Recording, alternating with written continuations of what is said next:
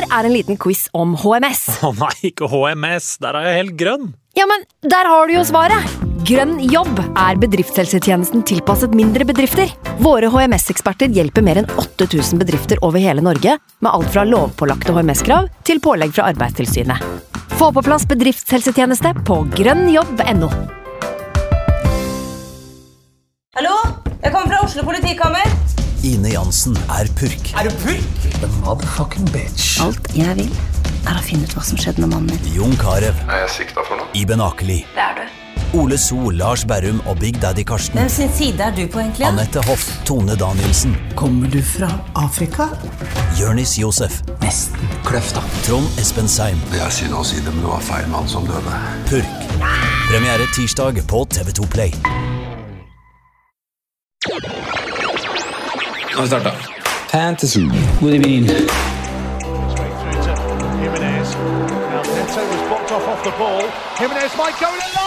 God evening.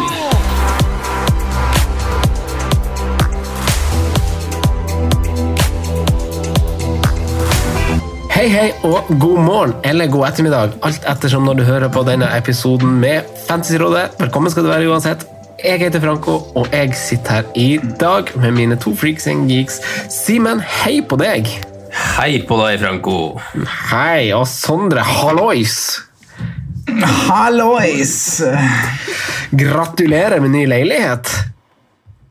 Jo, takk, takk for det. Eh, Det er kokt litt her i dag. Eh, Kjæresten min og jeg har blitt leilighetseiere, så veldig, veldig stas.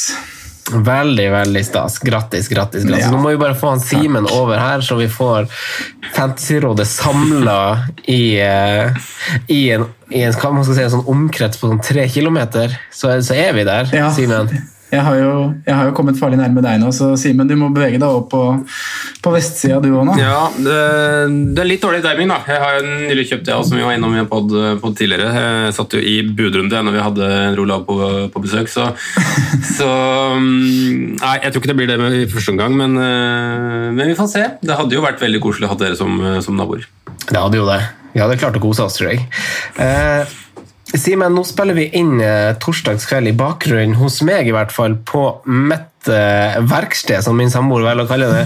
Så, så, så går Tottenham-Chelsea på iPaden. Eh, men Så vi er jo straks ferdig med runden, da. Eh, hva, hva gjorde du inn mot eh, Gameweek 22, Simen, og, og hvordan har det gått hittil?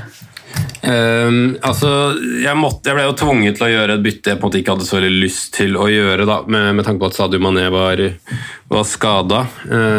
så gikk jeg Sadio Mané til, uh, til Jack Grealish. Uh, jeg hadde såpass lyst til å få på han igjen at jeg ville bruke eh, jeg ville bruke plassen på, på han. Så ender jeg sånn fram og tilbake før, rett før, eh, før deadline og, og bestemte meg for noe som kanskje høres ut som en veldig dum hit, men jeg var veldig redd for at John Stones ikke skulle spille eh, for City. Eh, hadde egentlig en veldig tynn benk, med, som jeg også ser i etterkant at jeg hadde. Det, det står 2-2-1 på den benken der, så, men, eh, så jeg gjorde rett og slett det byttet med å gå John Stones til Harry Maguire. Eh, og da kan man jo trygt si at man valgte feil United-forsvarer, uh, sånn sett. men jeg valgte jo rett og slett Maguire fordi han er den tryggeste, tryggeste bak der. Eh, og Det skiller ikke så mye. og Han har jo noen, på en måte noen skåringer i seg, han òg, med to skåringer allerede i år. og eh, ja, på kanten til feilaktuelt også. Så, um, så jeg gjorde det byttet der. Så på Maguire som bedre over de tre neste rundene, uavhengig om Stones spilte eller ikke, så jeg trodde han skulle måtte hente inn det. Men nå er han jo ett poeng bak Stones da, denne runden her, så, så det ble jo ikke, veldig vellykka. Men uh, overall så 65 poeng, det er vel ikke noe mer enn uh, ok, men uh, Og kapteinsbom på, på Sala. Uh, 67 ble riktig, fordi for, for Folden spilte ikke, og Chedams kommer inn 67 minus 4. Så um, ja, helt greit. Eh, ja, jeg har jo også for så vidt uh, prøvd å spekulert i kula og sett på, på hvordan jeg skulle løse City-greia for her, men uh, Sondre, da. du har også, litt, som meg, poeng på benken denne runden. Ja, helt, helt ytterst så, så sitter jo Gromgutten Rafinha, da. Eh, Kanskje litt rart å sette den helt ytterst der, eh, og veldig bittert nå med, med Foden null minutter. da, og Jeg kunne fått inn Rafinha, men får inn Kofal. Eh, grunnen til at jeg gjorde det, var jo Jeg, jeg nevnte jo det i forrige podd, at jeg har satt meg selv i en situasjon med med åtte offensive spillere som alle spiller mye og som uh, leverer jevnt med målpoeng. Uh, så den må benke noen. Uh, og Nå var jo situasjonen på både Bamford og Rafinha at de var usikre. begge var gule til, til, kampstart, så jeg valgte bare å satse litt på en av de ut fra hva jeg hadde hørt på pressekonferanser og lest litt. Og da virka det i hvert fall som Bamford var, var, klar, og de gjorde egentlig det med Rafinha òg, men var litt, litt mer usikker der. og da for ikke liksom Jeg, ville ikke ha inn en énpoenger fra Rafinha som kom inn fra benken eh, i sin kamp, så jeg valgte å dytte han nederst på benken.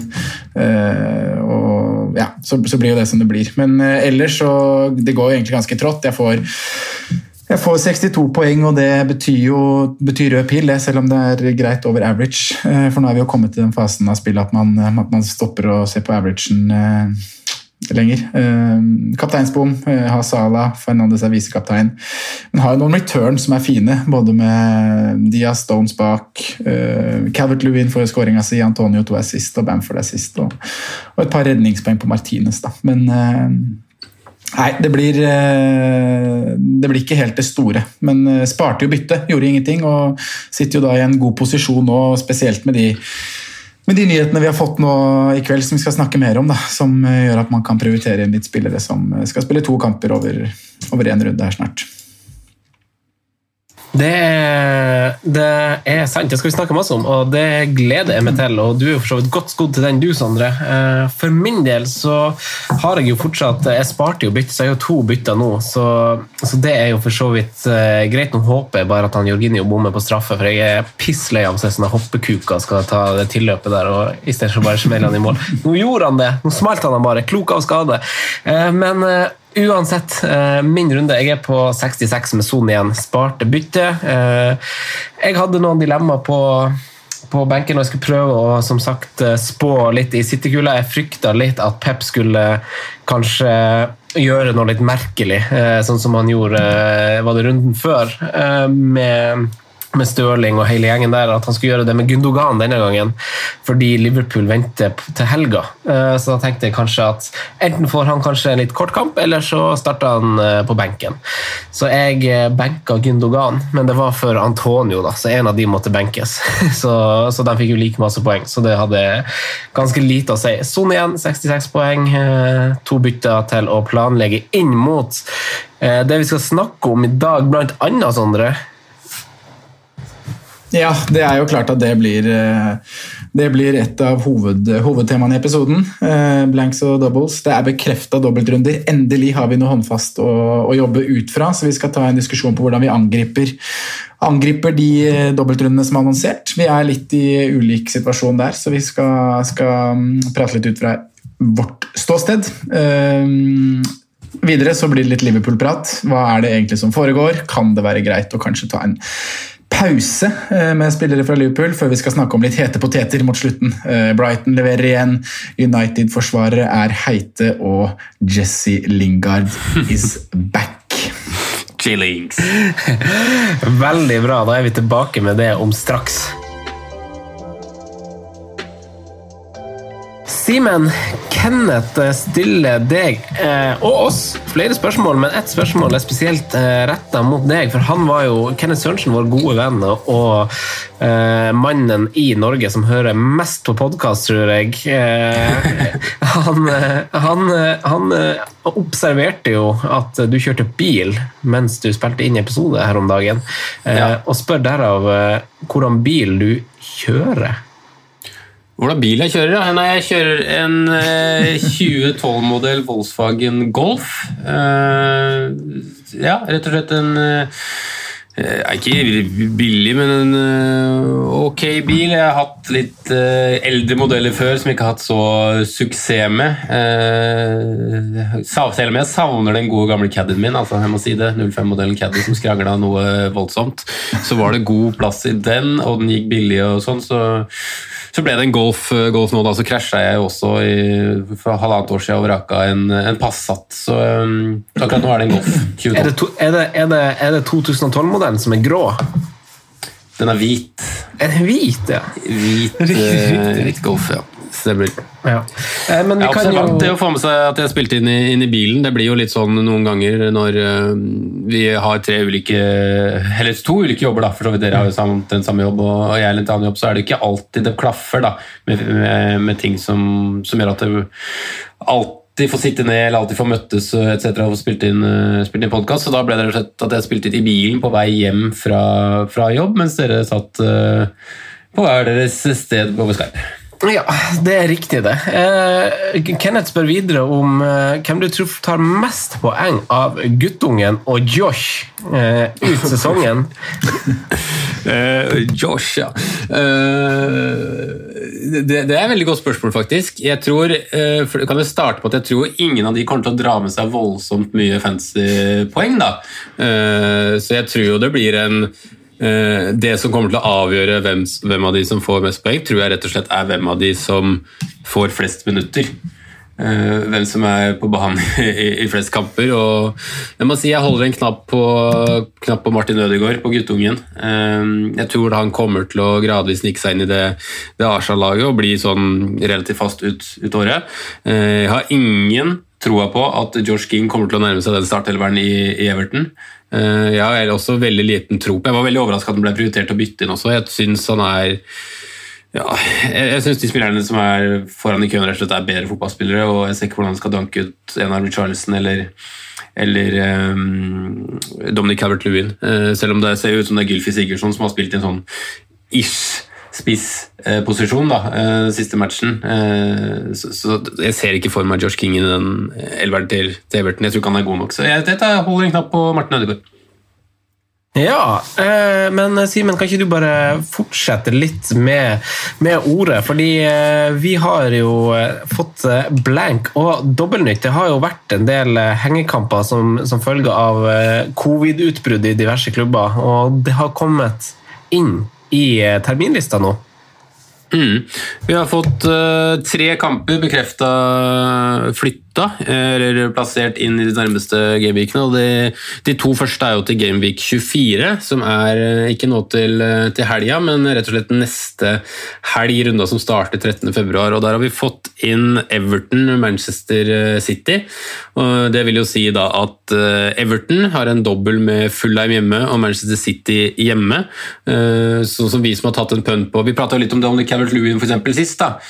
Nå fikk jo han seg en scoring og var nære to, to faktisk, men um, han er det jo på en måte bare greit å beholde seg gjennom 24. Selv om det er City i denne kampen, så er det, så er det en dobbel, og med Fulham hjemme så er det en fint, fin mulighet. Manchester City på sin side får da en dobbel med eh, en hjemmekamp og en bortekamp. Hjemme mot Spurs og borte mot Everton. En ganske mye tøffere dobbel enn det de hadde, hadde sist, da, sånn på papiret, men det heter jo fortsatt Manchester, Manchester City. Noe som kom litt mer overraskende på folk, er jo Burnley Fulham inn i 24. Noe som gir For min del så sitter jeg jo bare og jubler, da. Det var veldig viktig, selv om jeg tok ut, tok ut Taylor, så sitter jeg fortsatt på Matt Loughton og Dick Pope. Burnley får da en dobbel med Crystal Palace borte og Fulham hjemme. Og hvis du ser over de tre neste gayweekene, så er det Brighton hjemme, Crystal Palace borte, Fulham hjemme og West Brom hjemme. da. Så det er jo en bunke med, med, fine matcher, rett og slett. Og så er det i Gameweek 25, da, den siste kampen eh, vi har fått bekrefta inn. Leeds hjemme mot Southampton, noe som gir noe som gir skal vi se, Leeds kamp mot Wolverhampton borte og Southampton hjemme i 25, mens Southampton sitter med dobbelen Chelsea hjemme og Leeds borte. og Nå er vel ikke kanskje Southampton de som frister aller mest etter helga, men det, det, gir oss kanskje noen pekninger på, at, på hvilke lag som totalt sett man må begynne å, å prioritere inn, da, uavhengig av hva man Eller ikke uavhengig, avhengig av man, hvordan man sitter med laget sitt akkurat nå. og hvilke planer man har for så vidt da, med, med chipbruk. Ja, jeg er, jo, jeg er jo veldig fornøyd som tok litt høyde for eh, at det her kunne skje med wildcardet mitt. da. At jeg, eh, at jeg, sped, at jeg tok noen av de billigspillerne og, og Dominic bytte og holdt det litt, og bare gjorde meg klar litt. eh, For vi visste jo at noen lag ville hengekamper, og at de ville komme inn på et tidspunkt. Eh, Nå har, ikke, nå har vel ikke alle kommet ennå, men eh, Sondre, vi vet jo også at det her gjør jo ingenting med den dobbelen vi fra før av får i Gaming 26, sant? Nei, det, det gjør vel egentlig ikke det. Eh, Det er nok av kamper som, eh, som potensielt skal spilles i den, ja. Så det har vel ikke så mye å si. Og et annet lag vi også venter på bekreftelse på, som har, som har nok av kamper som må spilles, er jo Aston Villa. Eh, Så nei. Det gjør vel egentlig ikke det. Nei, fordi det, da, vil, da har vi jo i altså vi, Jeg syns FPL-nerd skrev ganske fint på Twitter at uh, det her er et godt eksempel på hvordan denne sesongen kan være. da, Hvorfor det kan være lurt å ha litt is i magen. For nå kom, det kommer med ganske kort frist uh, at vi får vite at det er dobbeltrunder. og sånn. Nå er det jo ikke veldig mange utsatte kamper igjen å hente, da. Uh, men de som kommer til 26, er jo de Altså Det spilles jo en cuprunde i midtuka i neste uke, altså om ei uke. så spilles det en cuprunde, og Da får vi jo vite litt hvem som er videre i FA-cupen, og som da eh, vil spille kvartfinale i samme Gameweek som 29 egentlig går. Så de vil jo få sine kamper flytta til eh, Gameweek 26. Så vi vet ganske masse på samme tidspunkt om i uka faktisk, om, eh, om ståa da. Eh, Men, eh, men Simen, i, i, i din posisjon, altså siden vi nå får tre dobbeltrunder på rad, eh, i større eller mindre grad, 24, 25 og 26, har du rukket å fått litt tanker på det her, og hvordan du velger å angripe, angripe situasjonen? Eh, altså, først og fremst, så, Som jeg på en måte sa når jeg dro gjennom, så var jeg jo først og fremst veldig glad for Burnley Fullham i 26. Når man på en måte sitter eh, på et lag som kanskje ikke så mange sitter på, da, eh, så vet jeg jo at det, det kommer til å hagle litt hits for å få på Nick Pope, for å få på, på litt Burnley assets, men da sitter jeg på en måte allerede godt i det. rett og slett der. Litt mindre fornøyd med Everton City, f.eks., men, men samtidig så, så skal jeg klare å sondere meg rundt det. Ellers så det, det påvirker ikke så mye av de lagene jeg har. Så sitter jeg jo med, med Pope Lawton, Bamford, Foden, Digne, Cabert Lewin. Så det er jo Jeg vil jo si at jeg sitter med brukbart eh, hva skal vi si, med brukbart antall ekstra kamper da, rett og slett på de endringene som kommer. Men så vet man jo også at for, eh, som du sier, at det, det, det er to hengekamper på akkurat sånn som det står nå, på Aston Villa. Det er to hengekamper på Tottenham, vel. De har vel både Aston Villa-matchen og en Fulham-match, tror jeg, eh, som, eh, som ikke er plassert ut. Og så er det jo noen, vil jo disse lagene også få, få blanks senere, da. Men som du sier, så er det vel grunnen til at det kommer så tett oppimot, er at det må jo på en måte snart bekreftes at vi skal spille en match. Eh, nå ble det jo flytta noen kamper i, i juletidene, eh, eller om det var litt senere, eh, som ble flytta på veldig kort varsel, og da fikk eh, FA høre det ganske greit, spesielt av godeste Scott Parker i Fulham der, som var direkte pissed på, på hvordan han følte laget sitt da, og Fulham ble behandla når, når du må endre Eller når du har forberedt deg på en helt annen måte, og så skal du plutselig spille batch. Var det 36-48 timer etterpå hun fikk beskjeden, eller hva det var for noe. Så mm, jeg sitter sånn greit i det, men, men det endrer jo litt, eh, litt planer, kanskje. da. Eh, Jeg hadde jo egentlig lada opp til en Foden til Hong Min Son, så lenge han kom seg helskinna gjennom matchen mot, eh, mot Chelsea i dag. Det er ikke sikkert jeg prioriterer det byttet, bytte nå, da, for å si det sånn. For å si det sånn, faktisk. For å, for å si det sånn. eh, nei, altså, jeg ser jo at i den dobbel gameweeken som du presenterer ganske fint, eh, Simen, som jo er ikke runden vi starter på lørdag, men runden etter, eh, så har jeg jo eh, Altså, jeg har jo jeg har tre bytter. Eh, gratisbytter som har spart et bytte. Jeg har, eh, har de tre obligatoriske City som alle har, og Dominic Helvert Lewin. Og Areola har jeg faktisk da i mål. Eh, det har jeg. Så jeg har, jeg har fem spillere med en dobbeltrunde. og Da, da er jo tanken at jeg egentlig bare bruke gratisbyttene til å til, Jeg synes jo som du påpeker, Simen, at Burnley har jo Vi liker jo å se mot de lagene som ikke bare har en fin dobbeltrunde, men kanskje har et fint, et, også fine kamper liksom før og etter dobbeltrunden, sånn at du ikke, sånn at du ikke bytter deg litt feil da, og pri, altså nedprioriterer de nærmeste rundene og rundene etter og må rydde opp fryktelig mye. Så jeg syns det er veldig bra at du drar opp Burnley som eh, som et godt eksempel. Eh, men Sondre, tenker du at det her er altså Det er jo ikke veldig gode kamper på, på City, hvis man tenker når chipbruk Har du vurdert i det hele tatt å, å smelle en chip i en dobbel gameweek hvor bare fire lag har uh, dobbeltrunde, sånn som i 24? Eh, jeg har nok ikke eh, sett nok på dette at jeg skal snakke så mye om det nå, men for meg med triple cap igjen, så vil det alltid bli vurdert å, å bruke det eh, når et topplag med kapteinsalternativer som det City har, spiller to kamper. da. Men så er du inne på noe her med at, med at kampene ikke er så fine. Spurs og Everton det, det, det, fristes jo ikke så veldig å bruke en triple cap i to typer, eller med to sånne matcher. Så på stående fot er svaret mitt nei. Men jeg har et wildcard og en benchboost og da triple cap som skal brukes. Eh, så jeg må jo virkelig sette meg ned nå og se hvordan eh, hvordan det her skal planlegges. For jeg på stående fot nå så har ikke helt oversikt over uh, Det har jo vært planlagt uh, dobbeltrunder i i 25-26, som du har snakket om tidligere, Franco. Og hvem som mister nå, da, som har fått lagt inn i, i 24. Det, det, vet ikke jeg helt ennå. Så jeg må, wildcardet mitt er vel kanskje det jeg må gjøre en størst, eh, størst plan på nå. Og se hva jeg kan prioritere nå inn i, i de doblene vi har fått, og, og, når det passer for meg å bruke wildcard og, og benchboost. Jeg husker jo Da jeg brukte mitt eh, wildcard eh, for noen runder siden, så var alternativet, og det kanskje vi ofte også lufta i pod, var jo eh, å bruke wildcard i 25. Og da et, eh, en benchpust benchboost i 26 i det som man anslår, eh, og ikke kan garantere, men man anslår blir en stor dobbeltrunde. Eh, altså enten benchboost eller free hit i den.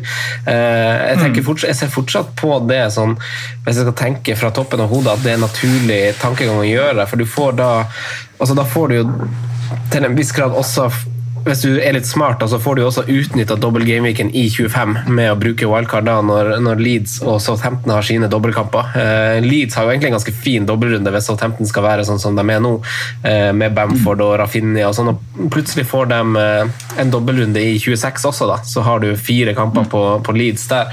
Eh, så jeg tror altså for dem som har wildcard og vurderer benchboost, at per nå, før den FA Cup-runden er spilt og vi vet mer svar, så er det fortsatt en ganske god plan å ha, tenker jeg. da eh, sånn på stående ja. fot. Det er på fortsatt tentativ plan, og så må man bare se etter de, de siste cupkampene er spilt. Da, da vil vi jo sitte med mer håndfaste, håndfaste svar. For, for, min del, som har brukt OL-karder, så er det jo veldig naturlig å, å, å ikke prøve å spå utfallet av hvordan cupen kommer til å, til å, pågå, og egentlig bestemme meg for å ta freehita og prioritere alle rundene rundt, og som om den runden ikke eksisterer. Eh, jeg føler vi har ja, Simen er jo et godt eksempel, og jeg syns det er så kult at vi har den erfaringa her i podkasten at, eh, at, det er veldig vanskelig å planlegge med bytter til en benchboost. Eh, og, for det, det, det, du blir stukket kjepper i hjulene på, på deg hele veien, liksom. Og det er vanskelig rett og slett å planlegge så langt fram i tid. Uh, og du ser nå så kommer plutselig dobbeltrunder her, så, må, så de som hadde sikkert planlagt å skulle skulle benchbooste i 26 med planlagte bytter, jo nå, må jo nå tenke helt annerledes igjen. ikke sant? Så jeg syns det er veldig naturlig å tenke, tenke å bruke en av de chipsene som endrer alt opp mot Game 26, og så tenke på 24 og 25, hvordan jeg skal takle de, og kanskje også tida etter. Uh, Simen, vurderer du noen chip? Uh, nei, ikke i første omgang. Jeg har jo brukt triple captain. Jeg har jo bare benchboost igjen. Den tror jeg, uh, med tanke på at det ble en failure før uh, nei, sist, så må nok den brukes sammen med, med. Men akkurat det temaet der syns jeg kanskje er det mest interessante spørsmålet egentlig generelt i hele fantasy. Hvordan du skal planlegge en bruk av chip i lang tid i forveien. Da, fordi vi husker jo mm, Sondre har vært innom det med gode eksempler med Charlison tidligere, hvordan han hvordan det på en måte ble en følgefeil. da. Altså Du har beholder han, beholder han, beholder han for at den har den ene fine kampen. Sånn som jeg også brukte fem-seks runder på, på strategisk bytte inn de spillerne jeg skulle ha, til den dobbelen, for så å wildcarde meg ut og på en måte starte på nytt. Uh, og Det blir alltid feil. for det, ok, Nå er denne sesongen her spesiell, men det blir jo feil hver gang, for det skjer ting som du ikke klarer å gardere deg mot.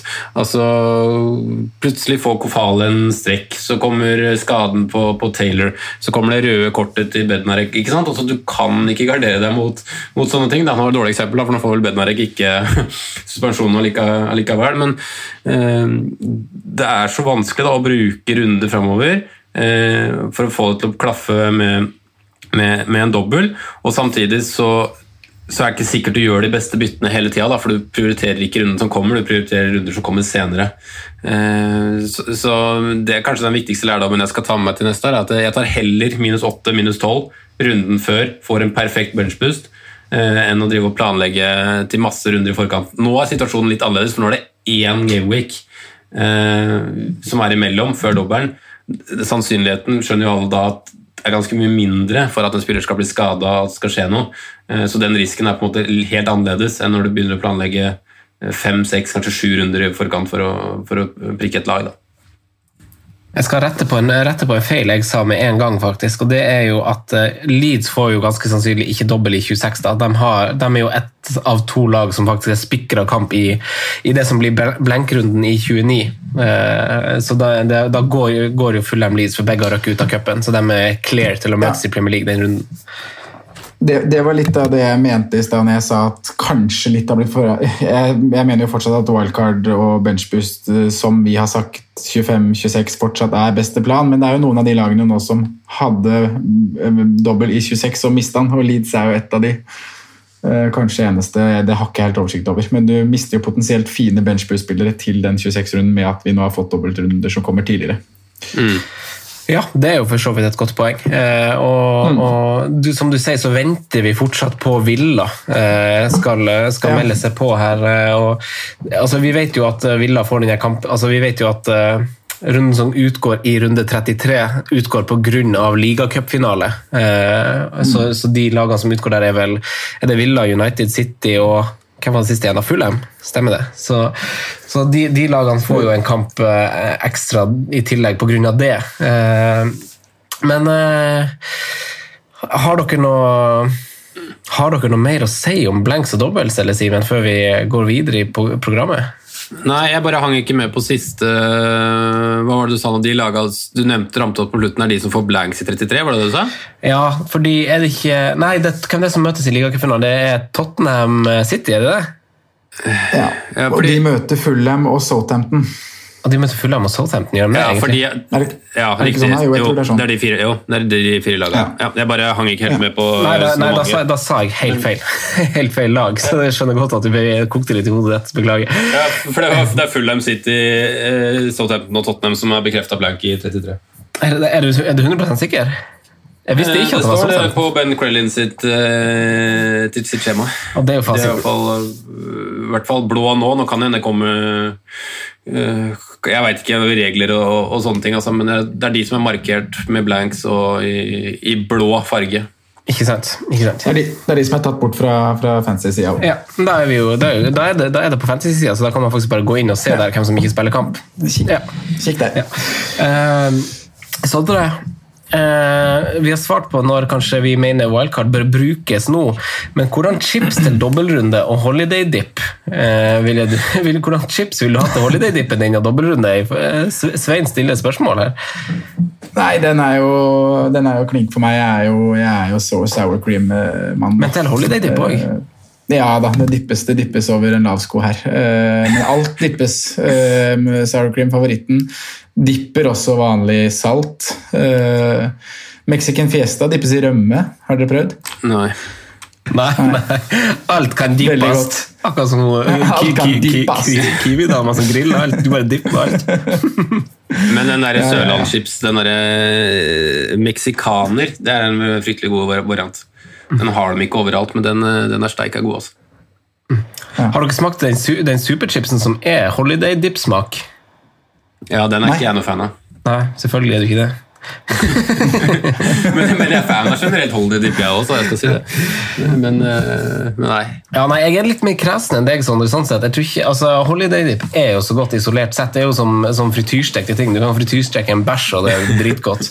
Men, uh, men, uh, men altså, når det kommer til Holiday Dip, så er jeg litt sånn For det er jo noen potetgull jeg er så glad i smaken av. Sånn Mårud paprika og sånn, som er like sånn, så godt som hvordan det bare er. Alene. så vil Alene, liksom, liksom dippe det. Så, men jeg tror, jeg tror, det beste jeg liker å dippe i holiday dip, er den der uh, tortillachipsen rett og slett med sånn cheese. Den der, de trekantene. Tortilladippe med cheese, ja. ja nei, ikke med cheese, men det er jo sånn tortillachips med ost. Ikke bare salt, Ja, liksom. ja, ok. Ja, riktig. Du skal ikke ha den i salsa-glasset, altså? Jo, det er det jeg mener og du skal ha. Du skal ha den med den der Eller den eh, Kims- Kims-boksen med cheddar? Ja, eller den eh, Kims salsa-varianten. Den er fin. Ja. Kims. Det beste å dippe holiday dipp er vel egentlig ren, eh, ren eh, salt fra Mårud eller Kims. Ja, det er, Fra- det er kanskje det, egentlig. Ja, jeg var kanskje litt hissig der, fordi jeg har jo selvfølgelig sour cream som beste potetgull, Mm. men, men med dipp da, så sier jeg kanskje salt, mm. salt Mårud. Skjønner, skjønner. Ja, det, det, ja. Ja. eh, Der er jeg er heller ikke sånn mega sånn superchips-fan. Jeg syns det er helt greit, men den salt superchipsen Holiday Dip funker ganske bra, syns jeg. Ja. Det syns jeg. Så er det jo mindre fett, vet du. Ja. Så burde man jo tar slått et slag for på- Totenflagg òg, da. To, Totenflak, ja. Totenflagg laga med tålmodighet. Vi, vi, går litt videre i programmet her, gutta. Uh, 2, 9, 1, 6, 2, 2, 2, 2 og 2, 3, 2, 3, 1, 2, 15, 2 er henholdsvis Robbo og Sala sine poeng de siste åtte kampene. Eh, lista er faktisk for lang til at jeg orker å nevne hvor mange som er over både i skårede mål og målgivende pasning i, eh, i denne perioden.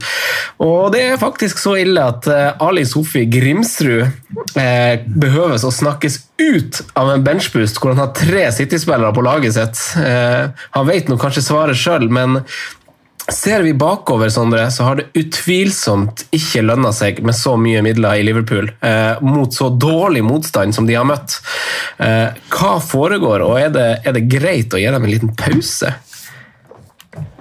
Eh, hva som foregår, det, det kan man jo sitte og diskutere opp og ned i, i mange, mange timer. Men eh, eh, tallene du presenterer her, og det vi, vi ser når Liverpool spiller fotballkamper eh, Hvis man legger sammen det, så, så er jo egentlig det enkle svaret på om man kan gi i hvert fall da Robertsen da, i første omgang en pause, eh, i ja. Eh, og Man kan vel egentlig kaste Sala inn i den diskusjonen også, selv om det, det sitter litt lenger inne for, eh, for meg. Eh, nå var han på en måte tilbake igjen med, med to skåringer mot Westham og fikk 15 poenger. Og kunne fint også fått med seg noe mot Brighton. Man skal jo si at den kampen kunne vært annerledes hvis han hadde satt den tidlige muligheten han fikk der, hvor han, eh, hvor han lempa han over. Men eh, herregud, det er den rekka du sier, da. 2-3, 2-3, 1-E-2.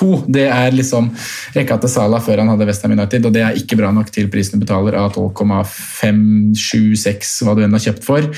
Eh, Nå venter jo også tre ganske tøffe kamper med Manchester City, Leicester og Everton. så det enkle og korte svaret er vel egentlig ja på at man eh, kanskje kan og muligens også bør prioritere annerledes enn eh, enn Liverpool per dags dato.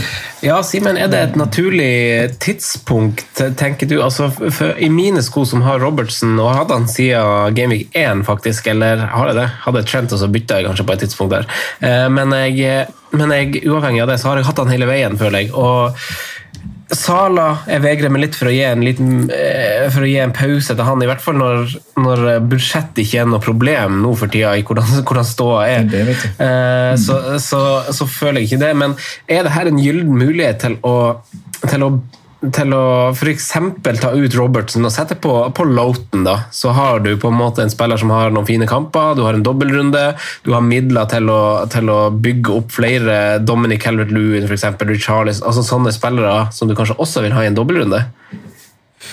Ja, jeg vil jo si at det er det. Og det, vi trenger på en måte kanskje ikke å ta den, måte, den lange, lange veien der for hva som egentlig foregår der. Det er, hadde jeg visst det, så hadde jeg vært, hatt det mye bedre i hverdagen min faktisk, akkurat nå. Eh, så, men, men jeg vegrer meg veldig, som dere sier òg, med, med må jeg kaste f.eks. Mohammed Salah. Han er fortsatt toppskårer i ligaen, selv om eh, sesongen ikke har vært så, så, så voldsomt sterk. Eh, men Robertson syns jeg er helt greit å kaste nå, fordi det er eh, veldig mange andre lag som ser mye, mye bedre ut. Har for det første også noen lag som har flere kamper, noen assets som eh, ser rett og slett bedre ut, og det er veldig mange, de aller fleste, eh, eller alle, er vel faktisk billigere også. Så mm, jeg syns det er helt greit å, å gi slipp på det. På det jeg. Jeg har jo eh, over en lengre tid prøvd å få tatt, hatt, hatt han inn. Da. Så jeg har måte vært sånn heldig at jeg aldri har hatt, har hatt muligheten.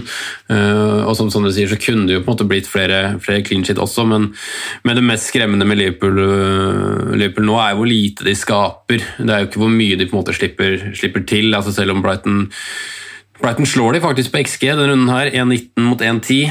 Eh, så, så, er det det skremmende er jo hvor lite man, man skaper, eh, og hvor vanskelig det er på en måte å, å bryte gjennom. Men det er jo en slags, en slags følgefeil da, med, med konstante rotasjoner, nye trøbbel som gjør at man mister, mister, rytme, er vel det som også blir mest uttalt. Det er den eh, kjente rytmen, men, men det, er, det er tamt. Det er fryktelig tamt, dessverre.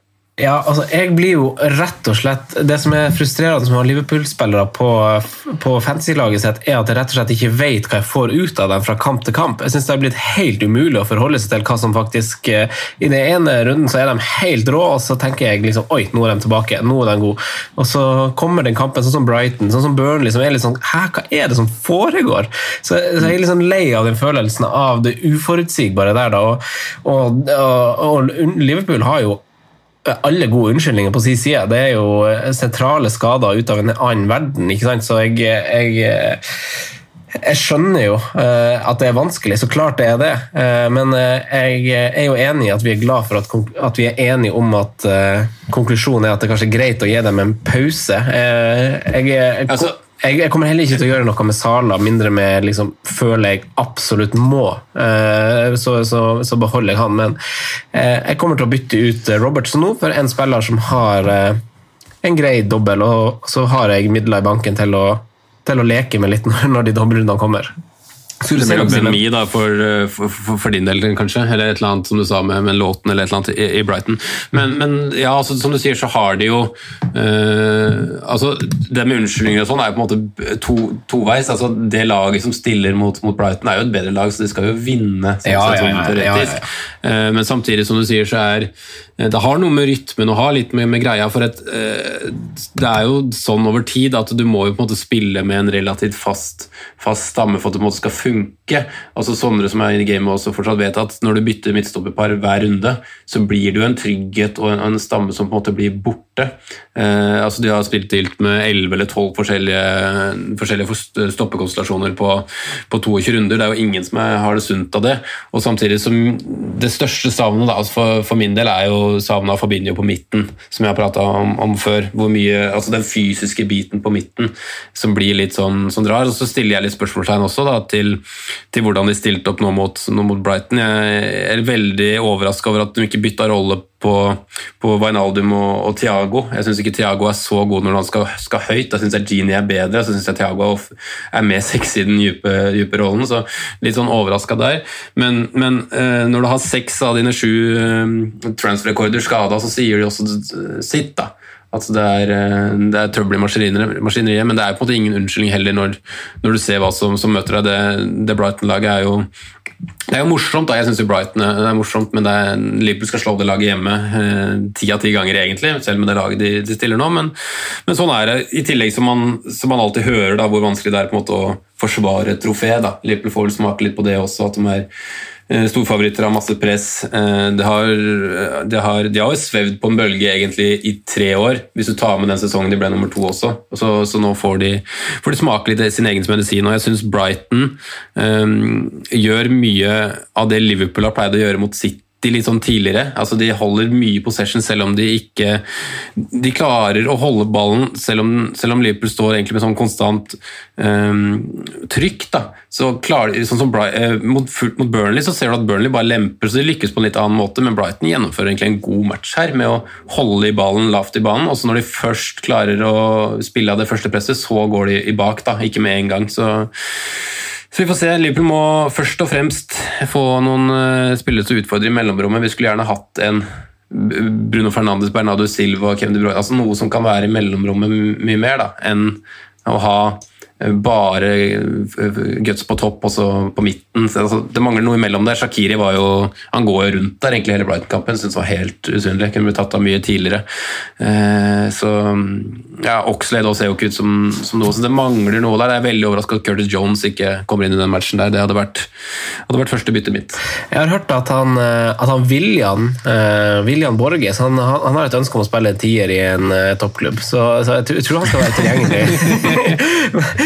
nå, nå, var du inne på en fagprat her, og jeg, bare et, jeg, bare Jeg var på, på Varingskoll med noen gode kompiser av meg og kjørte splitboard her om dagen. Uh, for, de som, for, de som, skal gå rando eller splitboard, så er det veldig fint sånn, sånn bare sånn halvtime ut av Oslo og gå dit og kjøre litt. hvis man, spesielt hvis man er nybegynner, da. Men det, det, jeg endte opp med å snakke om med min gode venn og trenerspire i Ullern, eh, Runar, eh, som, som, som, bare stilte et spørsmål i bilen på vei hjem der med, med noe smågodt i handa. Så spurte han meg liksom bare sånn Tiago i Liverpool, vi elsker liksom han Tiago. Eh, hva, hva, tenker man liksom om om at han kanskje ikke passer helt i det her, her gegenkjøret, som man strengt tatt kan si har roa seg litt i eh, Liverpool. Det er ikke, får det ikke helt til å funke med det presset. Det virker ikke som man har alle elleve med liksom, i 110 i hver eneste kamp. Eh, og Tiago er jo en eksepsjonell fotballspiller, men han er jo, eh, han er jo ikke den som Det er ikke masse fres i han, Sondre. Nei, eh, og det krever jo et helt enormt tempo og ikke minst det med tilstedeværelse da, for, å, for, å, henge med i en sånn type spillestil og det gegenpresset som du, som du nevner her. Eh, og det, er jo der jeg tror det kanskje, og som også folk snakker om, da, hvor det kanskje trykker aller aller mest nå for Liverpool. Eh, du har liksom sentrale spillere, og da bakfra med styringsrolle i laget som er er ute. Eh, og I tillegg til det så har jo den gjengen som står igjen nå, som da på en måte er bærebjelker i det her gegenpresset, sånn som Robertson, Alexander Trent Arnold, Firmino, eh, Salah, Vinaldum. Det her er spillere som, og Henderson òg, det er spillere som nå har det, det, kjøret de har vært igjennom nå, da, fra, fra mm, Champions League-finale med tap, eh, seriegull, Champions League-gull eh, og inn i ny sesong, lite pause Det har vært enormt med kamper og en eh, enorm påkjenning. Så jeg tror veldig mye av det her ligger i energi og, og rett og slett mentalt mentalt, hvor er vi? Tilstedeværelsen på det å, på det å prestere og ja, å yte maks. da. Eh, og har du mista som du sier, har du mista én person i en sånn type spillestil som Liverpool kjører, så da blir det rom, og da utnytter alle lag i Premier League det. Uh, samme egentlig om det er Brighton eller om det er uh, Nå spiller jo ikke Burnley på den måten at de klarer å utnytte det, da. men, men de, som, de, som, gjør det, da, de klarer å tre gjennom de, de rommene. Da. og det er, jo, det er, jo, det vi ser delvis i går med Brighton. Så, men det var vel Tiago-signeringa og om det på en måte er en spiller som passer inn i det du spurte om.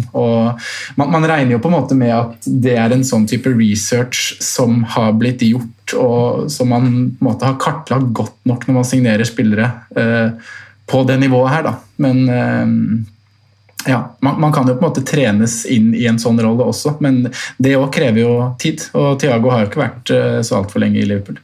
Ja, altså vi, må, vi, må, forsvare han litt sånn sett, da. Med at han, det var ingen eh, slakt, ingen slakt av han Thiago. Eh, det, altså, det var bare et spørsmål som, som, jeg, som jeg, bare ville liksom, Jeg ville bare lufte det, for det var bare sånn til ettertanke. Ja.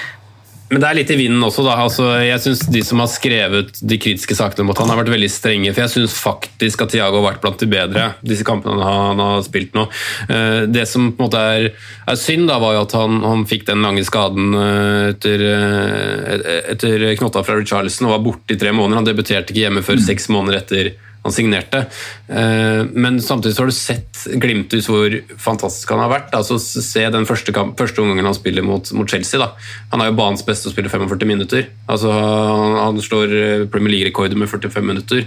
Samtidig så er han ikke eh, altså, Han er mye kjappere opp i press enn f.eks. Eh, James Miller på matchmatchen her. Han er omtrent altså, Wijnaldum har en annen type fysikk, men han har nesten mer frekvens i beina enn Gini Wijnaldum til tider.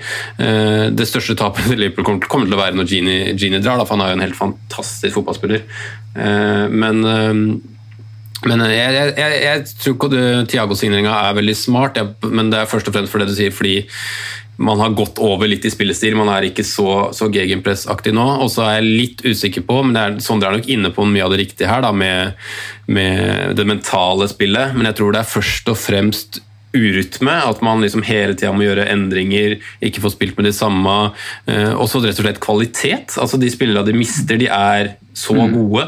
at Kvaliteten på det laget som er igjen, er ikke, er ikke god nok. Så en god blanding av det, da, at du ikke får spilt med de samme som du er vant til. At det blir urytme. At det er uh, Henderson som tar vanligvis de løpa som går i press. Det er ikke han som løper der nå, det er James Miller. Det er en ny konstellasjon. Tiago og Gini de har liksom aldri spilt sammen. Og så rett og slett kvalitet, at du ikke har, har gode nok spillere. Så må du også skille da, på kampen mellom Burnley og Brighton. For Burnley-kampen, hvis du spiller den på nytt, så vinner Liverpool den Eh, ni av ti, ut ifra hvordan kampen var senest. Mot Brighton så er det jevnt, eh, eller mye jevnere. Uh, og det, altså Sånn som kampbildet er, så tar jeg heller Brighton-tapet enn Burnley-tapet, hvis du forstår hva jeg mener. For, uh, for Burnley så syns jeg rett og slett bør vinne. Det samme mot, egentlig mot United. Selv om United kanskje skaper de store sjansene, synes syns jeg Liverpool er best, hvis det er lov til å på en måte skille sånn best i banespillet, eh, kunne skapt litt mer.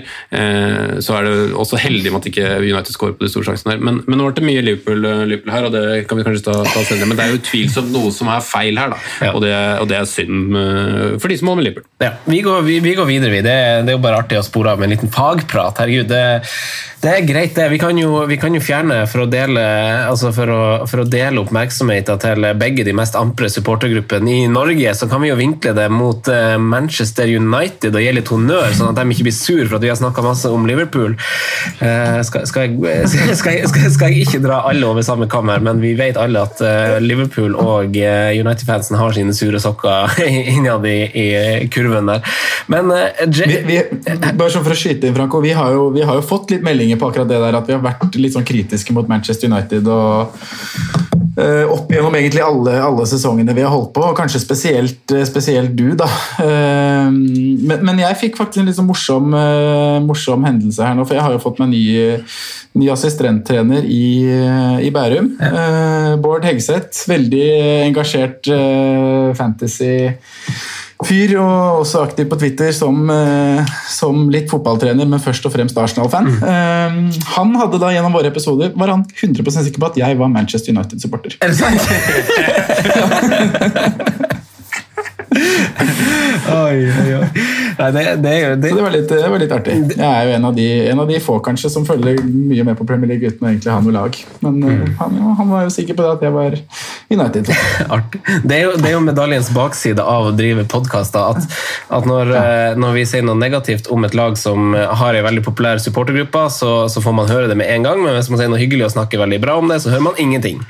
Eh, sånn, er sånn, er det. Og sånn er det med mange ting i livet. Så sånn er det bare. Uh, men uh, vi må jo hylle dem når det, når det kan gjøres. Først og fremst kan vi jo hylle Absolutt. Jay Links med en drømmedebut for Londons aller beste lag. Og wingbackene i United ruller jo videre i kjempeform og stil, ikke minst. Eh, vi kan snakke mm. mer om Brighton sin fjerde strake clean sheet på rad, eh, og et nå fint program som vi lufta. Men Sondre, kan ikke du eh, som United-fan hylle dem litt, og, og den fotballen de spiller for tida?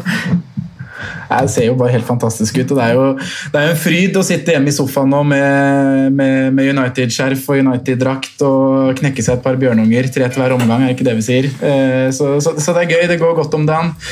Eh, og på, på, på fantasy-laget mitt da, så, så, kan jeg jo røpe det at eh, min plan før kveldens dobbelt-announcement var jo å gjøre Robertsen til til en United-back, eh, og skulle jo da gå til Luke Shaw mest da pga. Han koster jo, koster jo 0,6 mindre enn hva Fambisaka gjør, men han er jo, han er jo også så gysla offensiv for, for Luke Shaw. Vi, vi snakka litt om det i lunsjen i dag, Franco, hvor, eh, hvor mye bare det kan gjøre med litt Eh, litt selvtillit og litt, litt, backing. Eh, nå har liksom Shaw vært igjennom den perioden med Mourinho hvor han, hvor han ble kappa hodet av offentlig på pressekonferanse. Mourinho sa at han basically måtte fortelle Shaw hva han gjorde fra, fra sidelinja under match. Litt tillit, kommet seg i kampform. Har sett veldig veldig bra ut over de ja, fem-seks siste rundene. Nå er jo på en måte matchen nå mot Southampton Jeg vet ikke hvor mye vi skal legge i den. Ja. Eh, vi har en, eh, veldig overtent, uheldig debutant som, som ryker ut etter uh, ca. to minutter der, så det, det, ødelegger mye av kampen. Men uh, United uh, ser solide ut, uavhengig av den matchen, holdt jeg på å si. Og programmet med Everton, West Bromwich, Newcastle er, er fint i tre neste, for det er litt to tøffe mot Chelsea City igjen, da. Men jeg vil inn på United defensiv nå. kanskje jeg prioriterer annerledes da, med Burnley doubles og sånne ting, men jeg syns jo dere som har eh, jobba dere inn der, sitter veldig, veldig godt. Ja, jeg, jeg, var jo i eh, den posisjonen hvor jeg eh, benka Maguire. da. Jeg spilte bare så, så det var ganske bittert at han faktisk ikke hadde pause. Jeg så, altså, da jeg ja. så kampen, og så bytta han som spillerne som kom inn, så var det sånn Yes, han så jeg på banen. Deilig. Så det var bare to offensive spillere som var på, så var det sånn Nei, hva i dæven! Liksom, bare skal han Fred spille venstreback? Skal jeg spille med Hva skjer? Det var sånn, Oh, det var annoying at ikke få de clean shit-poengene når de først skulle gå på en så, så stor seier. Men uh, United uh, Simen, er jo kjempe, kjempegod om dagen, og ting går jo veien. og De er ganske artige å se på. og jeg, uh, Det svir jo litt å innrømme det, men nå er jo også kampene på kort sikt egentlig ganske fine for, for United. Hva tenker du om eh, å prioritere inn defensive United nå som altså, Det er naturlig å snakke om det, for de har fått 1000 poeng eh, etter den 9-0-seieren, så da kommer det jo fram i lyset. Men er det et bytte man nå prioriterer, eh, eller man heller, altså, går man heller veien til, til de som faktisk har dobbeltrunde nå? Ja, altså Man vet jo på en måte standpunktet mitt da, når, når jeg bytta inn Maguire til, til denne runden her, så, så syns jeg jo det er riktig riktig vei å gå. Samtidig så gjør jo Men ting har endra seg litt, da, siden du gjorde ja, det. Ja, det, var det jeg skulle inn på nå. da, at man eh, jeg ville kanskje vurdert da, å heller gå Burnley for en kort sikt. hvert hvis du sitter med et wildcard og kan rense opp det for i 25 eller 26, eller når du har lyst til å bruke det. da. Eh, så syns jeg jo det er sånn isolert, men, men jeg ser jo ingen grunn til å verken kvitte meg med eller, eh, eller egentlig altså, ja, sette inn på en. Det er noen ganger det ikke lønner seg å ha en kamp mer også. Det er rett og slett bare å ha de riktige spillerne til de riktige matchene. så så United så veldig bra ut mot, mot uh, Southampton, og jeg fikk, um, jeg fikk rett og slett vondt i magen av å se Southampton gå gjennom det der, uh, det der en gang til, for du så det ganske tidlig. Det kom jo allerede vitser etter 2-0 og 3-0 at, at, nå ser, vi 9-0 igjen. Og, og, det skjer, og det Nei, det var rett og slett blytungt. Altså de, tro det eller ei, men de løper jo ræva av seg også, selv om de er ti mann og taper 9-0. Og det er til slutt ni mann. Eh, direkte vondt, og, vondt å se på Danny Ings løpe rundt på venstre kant der og jobbe. Og, og debutanten som får et rødt kort etter er det et halvannet minutt, eller hva det er for noe. Eh, I tillegg til at de har De stiller jo den svakeste elveren de har gjort i år, kanskje kan vel diskuteres med tanke på at Dan faktisk er tilbake og har vært ute en liten periode, men liksom eh, generelt da, så er det liksom det er Ramsey på, på høyre bekk, eh, Bertrand akkurat tilbake uten, uten trening. Savner fortsatt savner jo den der stoppegiganten da, som kanskje har vært Southamptons beste spiller i år, i, i Bednarek. Eh, Jankiewicz sine Ward Prowse eh, ender med at de må inn med Sturt Arnstrong. Altså, det er, de er uheldige også, da, i godeste Southampton. Men eh, jeg skal ikke ta noe ut av United, for de kjører jo bare på fosse på. Eh, og, og svare litt på da, av den formen de har på en måte hatt etter at de ble kalt tittelutfordrere. For etter de egentlig har blitt kalt i, i de fleste mediene, så ble det jo to poeng på de tre neste kampene. Eh, så de trengte jo også svare på den måten her, og da skjønner jeg også at de bare kjører på når du ser at Southampton ligger nede, bare for å få en sånn selvtillitsboost, få skåring på, på, litt diverse. Så, så nei, jeg har, noe, jeg har, ikke noe, mer å si enn egentlig det, annet enn at man man sitter jo med litt sånn blanda følelser da, når man ser hva Southampton går igjennom. Man gjør det. Eh, jeg sitter i hvert fall eh, fint med United nå eh, og er veldig happy med det. Men hvis vi går over til Brighton, Sondre. Det var jo samme mann som stilte oss spørsmål i forrige uke, Joakim Ulvang, som, som spurte spørsmål om Brighton og, og clean shit-historikken, og ikke minst hvordan det defensive hadde forbedra seg. og Da dro du fram noen nye tall om at det var ikke tilfeldig at Brighton er blitt bedre. Og Han spør derav på nytt etter Liverpool-clean sheeten er sikra ekstra der. Eh, vurderer dere Brighton keeper-forsvar nå, da? Nok en clean sheet og en bra kamp. Uh, ja det, jeg, jeg, var jo ymta frampå at i hvert fall keeper syns jeg var, var, spennende. Og så sa vi vel at uh, det blir på en måte en liten test da, mot Liverpool. Og vi hadde jo ikke forventa at den testen skulle, skulle, gå så bra. Vi sa at taper de 1-0, så har de på en måte kanskje bestått testen da også. Fordi de klarer å ikke gå på et stortap, da, som de ofte har gjort etter litt gode prestasjoner. Så har det åpna seg litt igjen. Men, uh, men, nå gode prestasjoner i, i, i, flere kamper på rad, både mot City, Leeds, Tottenham og Liverpool, så det er jo offensivt veldig gode lag de har møtt. Eh, nå venter da, som vi nevnte i forrige podkast, et, et, veldig fint program med, med, Burnley, Villa, Palace, eh, West Bromwich. Så det er kanskje nå testen skikkelig kommer, da, nå som de skal møte, møte lag hvor de, hvor de kanskje nå får litt favorittstempel, i hvert fall sånn mot Burnley og Palace og West Bromwich. Mot, uh, mot Villa anser jeg det ikke som favoritter, men i hvert fall de tre andre kampene der. Så får vi, får vi se hvordan det blir. Men uh, jeg er jo på grønt lys til å, til å ta en punt på en Brighton-keeper, f.eks. Men så er jo spørsmålet der om, om tidspunktet man gjør det på er nå, da, med de nyhetene vi har fått om andre billigspillere som, som er viktigere å prioritere på. Men uh, god prestasjon av, av Brighton og, og, og, gøy å se at det, det funker da, for Potter. De, de, kjører jo i sin stil og er tro til prinsippene sine. og Det er jo det er veldig gøy og ekstra artig at de gir utslag. Eh, det, jeg synes det er verdt å nevne, for altså, De tilbyr jo 4-4-forsvarere. Det er jo det en del av pakken her som er veldig bra. da. Eh, mm. og Hvis man skal se etter ting å liksom krydre kaka litt med, så, så er det jo bare to spillere over de seks siste gameweeksene av forsvarsspillere riktignok, som har bedre expected goal involvement enn Ben White. Eh, det er James Justin og Luke Shaw. Det er de eneste to som har det. Eh, Van Bissaka og Robertson Cancelo er bak det, så det er et jevnt selskap av Ben White å være Han koster 4-4. Jeg husker ikke på stående fot om han har fått en straffe eh, som gjør at den er så høy, men, men han har jo helt middels eh, med liksom aktivitet i boks. Skapt en stor sjanse, står det ifølge Fantasy Football Scout. Så han har jo figurert litt på midtbanen også, eh, så han er jo litt, ja. litt random. Simen, hvem var dere som prøvde å si noe nå? Ja, det var bare jeg, ja. ja greit, Simen.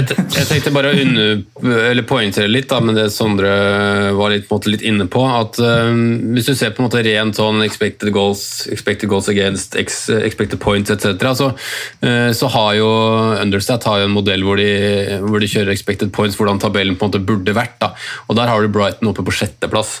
Uh, og Det sier jo litt som om uh, at de slipper inn mer mål enn de Eh, enn de bør.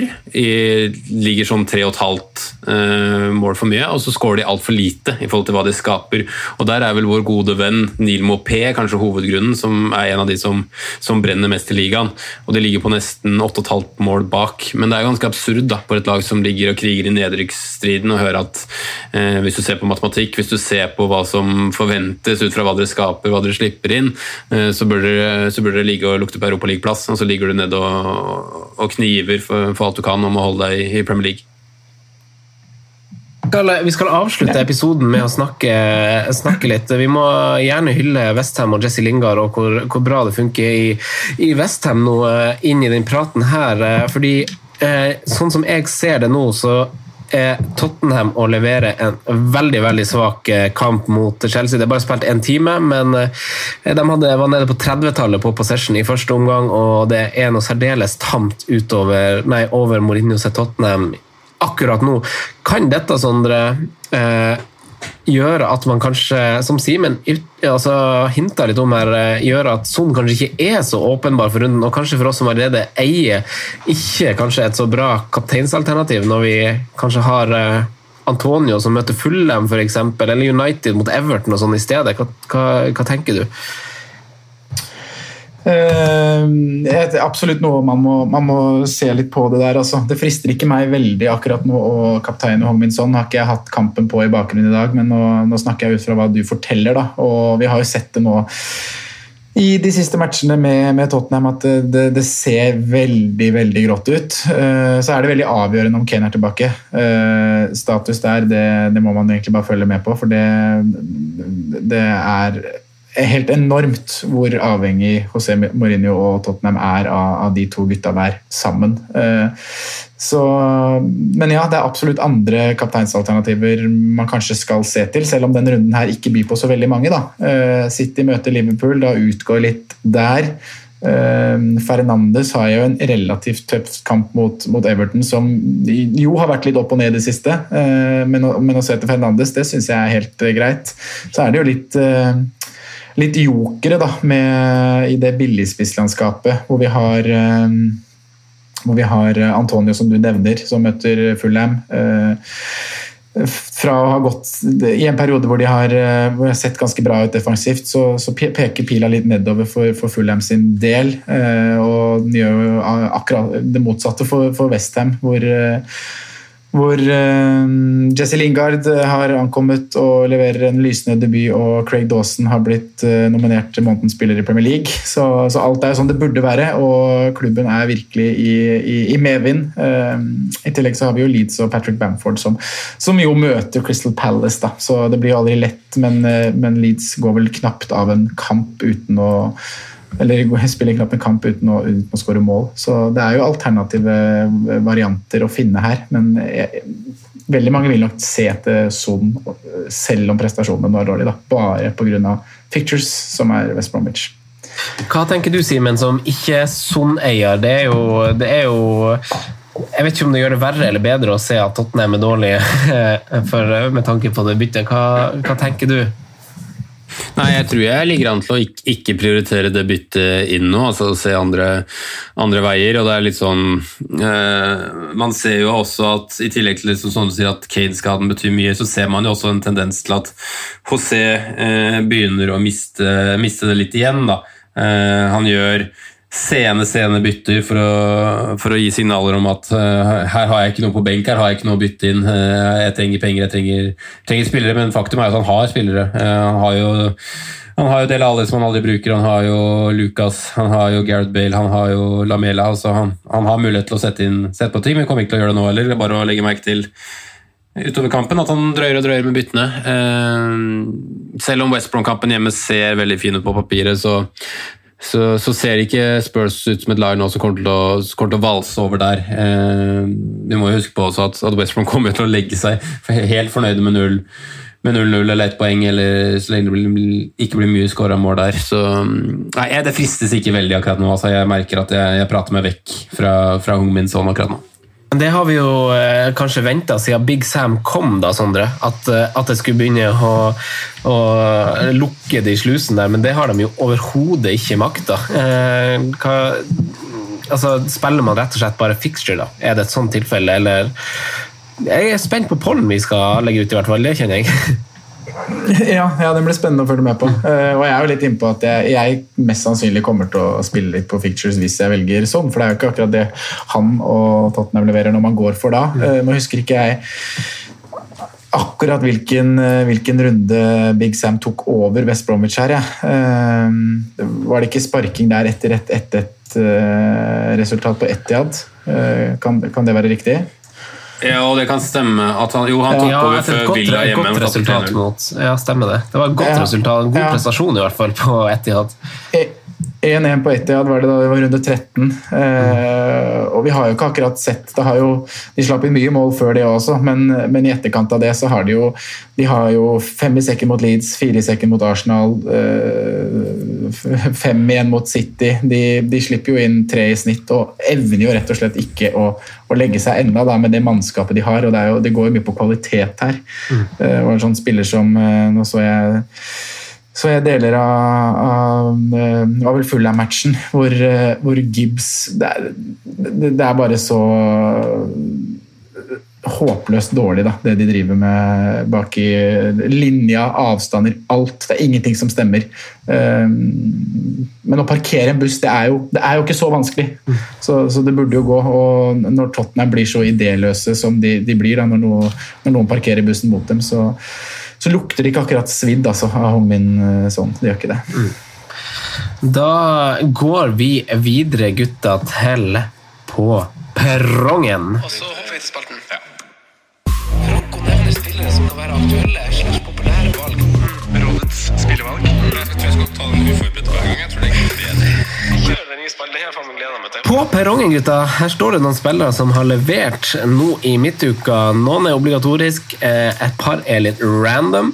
Eh, Første obligatoriske mann er jo eh, Jay Links. Koster per i dag 5-9. Simen. Uh, han stiger vel Han er jo sammen med, med United-backene og Antonio, så er vel uh, det de fire mest bytta inn spillere denne runden, ettersom jeg forsto i stad, i hvert fall. Hva sier du til J-Links og formlaget Westham? Nei, eh, det syns jeg er, er vanskelig, altså. Eh, Jeg hylla det jo veldig på det etter at de dro med seg seier bort på Crystal Palace. Det syns jeg var voldsomt sterkt. Jeg hadde veldig troa på at det var Aston Villa som kom til å vise at de var mye, mye bedre lag enn West denne runden her, og så viser vel kampen egentlig det motsatte fra start til, til slutt. Det var jo bombardering fra allerede før de fikk hull på byllen, så men jeg må si at jeg er overraska over at Jailings går for det første rett inn omtrent der, og så at han i tillegg eh, ender med to kasser, altså. Det, jeg hadde ikke satt pengene mine på det. Uh, nei, altså Jeg tror ikke jeg klarer å gi et fornuftig svar her. Jeg, kjør, da. Jailings. Sondre? Ja, det her med det, det, det her må jeg si overraska meg litt, altså. Eh, Det her, det, her, det her er kanskje det klareste nei jeg kommer til å gi på perrongen noen gang. Når du har Thomas Hortsek i, i samme klubb eh, som koster, eh, koster 0,6 mindre og har putta åtte kasser i år. Så det blir, det blir nei. Jeg er veldig glad på Jesse sine vegne. og Talentet lever videre, kan man vel si. Men uh, det blir et nei herfra. Hvem av, dere var det som, hvem av dere var det som var så kritisk Eller var det begge dere som var så kritiske til at jeg meldte at eh, Sortsjek var underprisa til fem? Ja, jeg var veldig kritisk til det, men øh, han er jo altså, så god han er òg. Ja, altså, det, mål, det målet hans denne runden er jo, det er jo holdt på å si, Henry over det. Ja, men han er jo han er pur klasse, altså. De gangene, jeg har ikke sett Western hver runde, ja, altså, men han, hver gang jeg ser Western, så dominerer han den, den midtbanen sin. Både først og fremst defensivt, det er jo det han er. Altså, det er jo sånn type han er. Men så legger du på Jeg vet ikke hvor mange mål han skal skåre i, mål, i år. jeg. Si tolv, da. På en defensiv eh. Så klart det er, eh, er verdifullt. Han kommer ut til å ha Han med årets lag. han der. Han er sånn dukk opp, dukk opp. Thomas dukk opp, Sort- ja. Veldig bra. Ja, det er han faktisk. Eh, eh, Simen, neste er jo eh, en mann som sikkert snart er ute av laget. da. James Justin. Ja. Han er sikkert snart ute av laget, det har vi vel sagt siden runde to.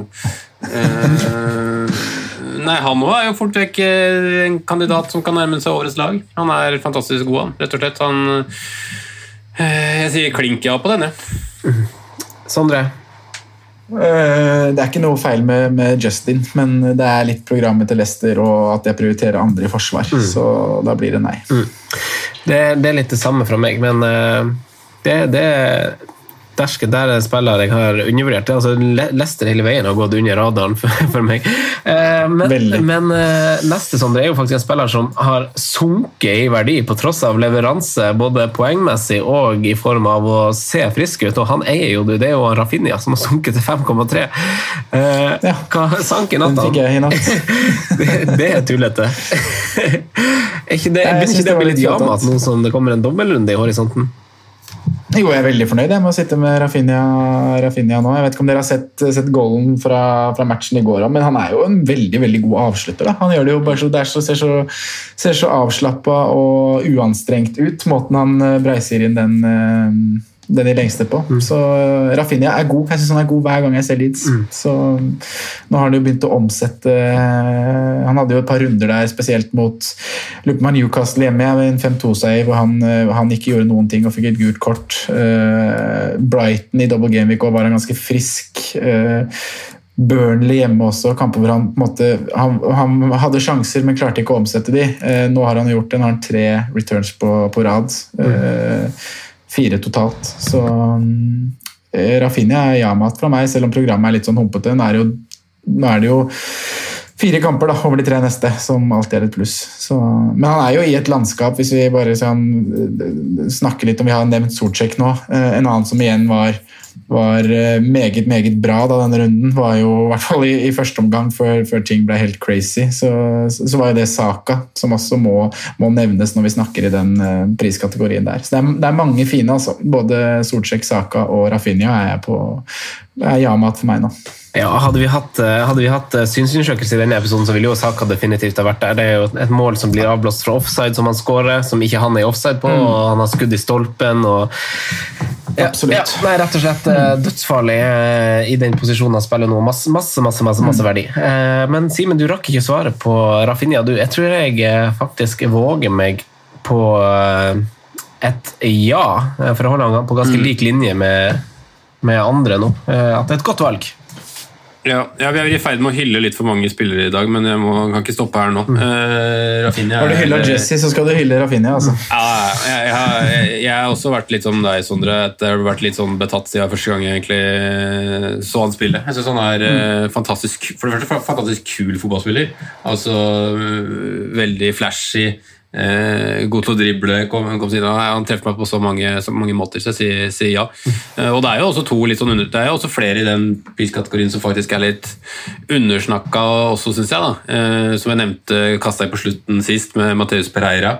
Eh, som også ligger i den, den, bracketen der. Og en som var veldig god igjen i, i, i helga, men som som er for Jeg har vært for mye inn og ut og vet ikke helt om det er fysikken eller om det er skader eller hva det er, samtidig som man også har litt for lite return, men det er jo faktisk Leandro Trossar som eh, hadde en veldig god og fikk vel en veldig billig assist, da, sånn sett. At det blir skutt på og får treffer tilbake igjen, sånn sett. Men, men, eh, men ja, det er, det er spennende bracket. Mm.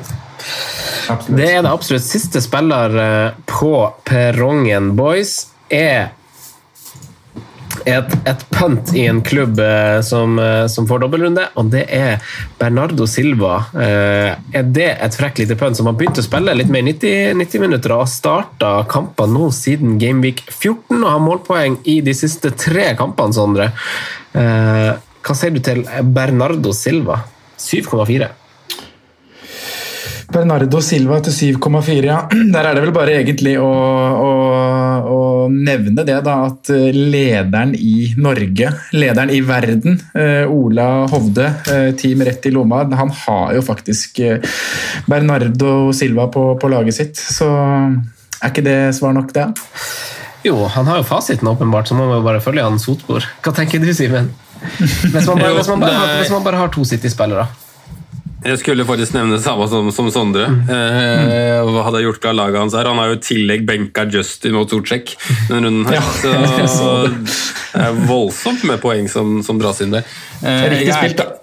Ja da. Eh, selv om han har gjort det, og da er det sikkert mest sannsynligvis riktig, så er ikke jeg så overbevist om, eh, om Bernardo Silva. Jeg, altså, det, jeg syns sånn historisk at han kanskje drar med seg litt for lite eh, målpoeng. Eh, og vil vel kanskje gå til andre veier, enten, også i City, da, for så vidt. Mm. Hvis jeg skulle gått der. Og jeg tror ikke jeg ville betalt 7,4 for, for, han. Altså. Men, men, som vi sier, så er det en som er tydeligvis mye bedre enn oss her som gjør det. Så da må det jo absolutt vurderes. Mm.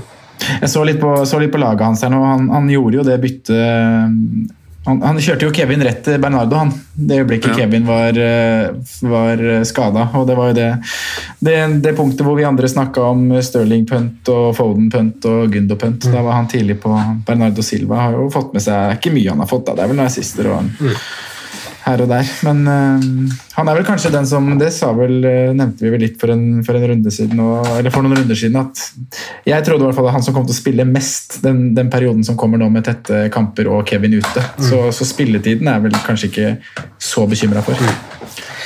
Da gutta, er det, er det, skal vi ta kvelden og nyte de siste 20 minuttene av eh, Tottenham-Chelsea uten opptak her.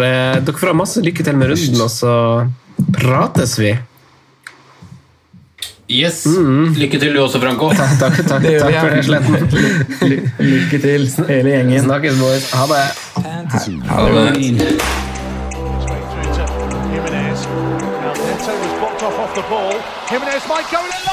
God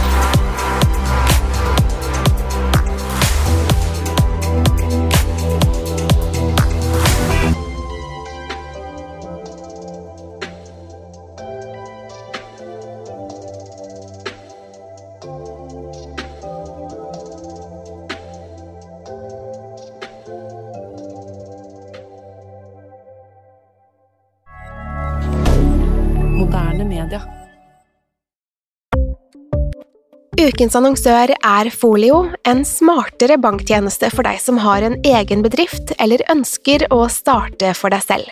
Folio er en superenkel nettbank for bedrifter. Som kunde i Folio får du en bedriftskonto med et bedriftskort og app. I denne appen er det smarte løsninger som forenkler regnskapet ditt, uansett om du har en liten bedrift eller et enkeltpersonsforetak. Folio er både intuitivt og brukervennlig, og er laget med et enkelt språk. I tillegg tilbyr de forutsigbare priser og ingen skjulte gebyrer. Skulle du likevel trenge det, så kan du snakke med deres raske og hyggelige kundeservice, og der får du prate med en faktisk person og ikke en chatbot. Folio er med andre ord både enklere og koseligere enn banken. Over 10 000 bedrifter har allerede valgt Folio som sin banktjeneste, så besøk folio.no og se hvordan Folio kan forenkle din hverdag også. Har du et enkeltpersonforetak eller en liten bedrift? Da er du sikkert lei av å høre meg snakke om hvor enkelt det er med kvitteringer og bilag i fiken, så vi eh, gir oss her, vi. Fordi vi liker enkelt. Fiken superenkelt regnskap.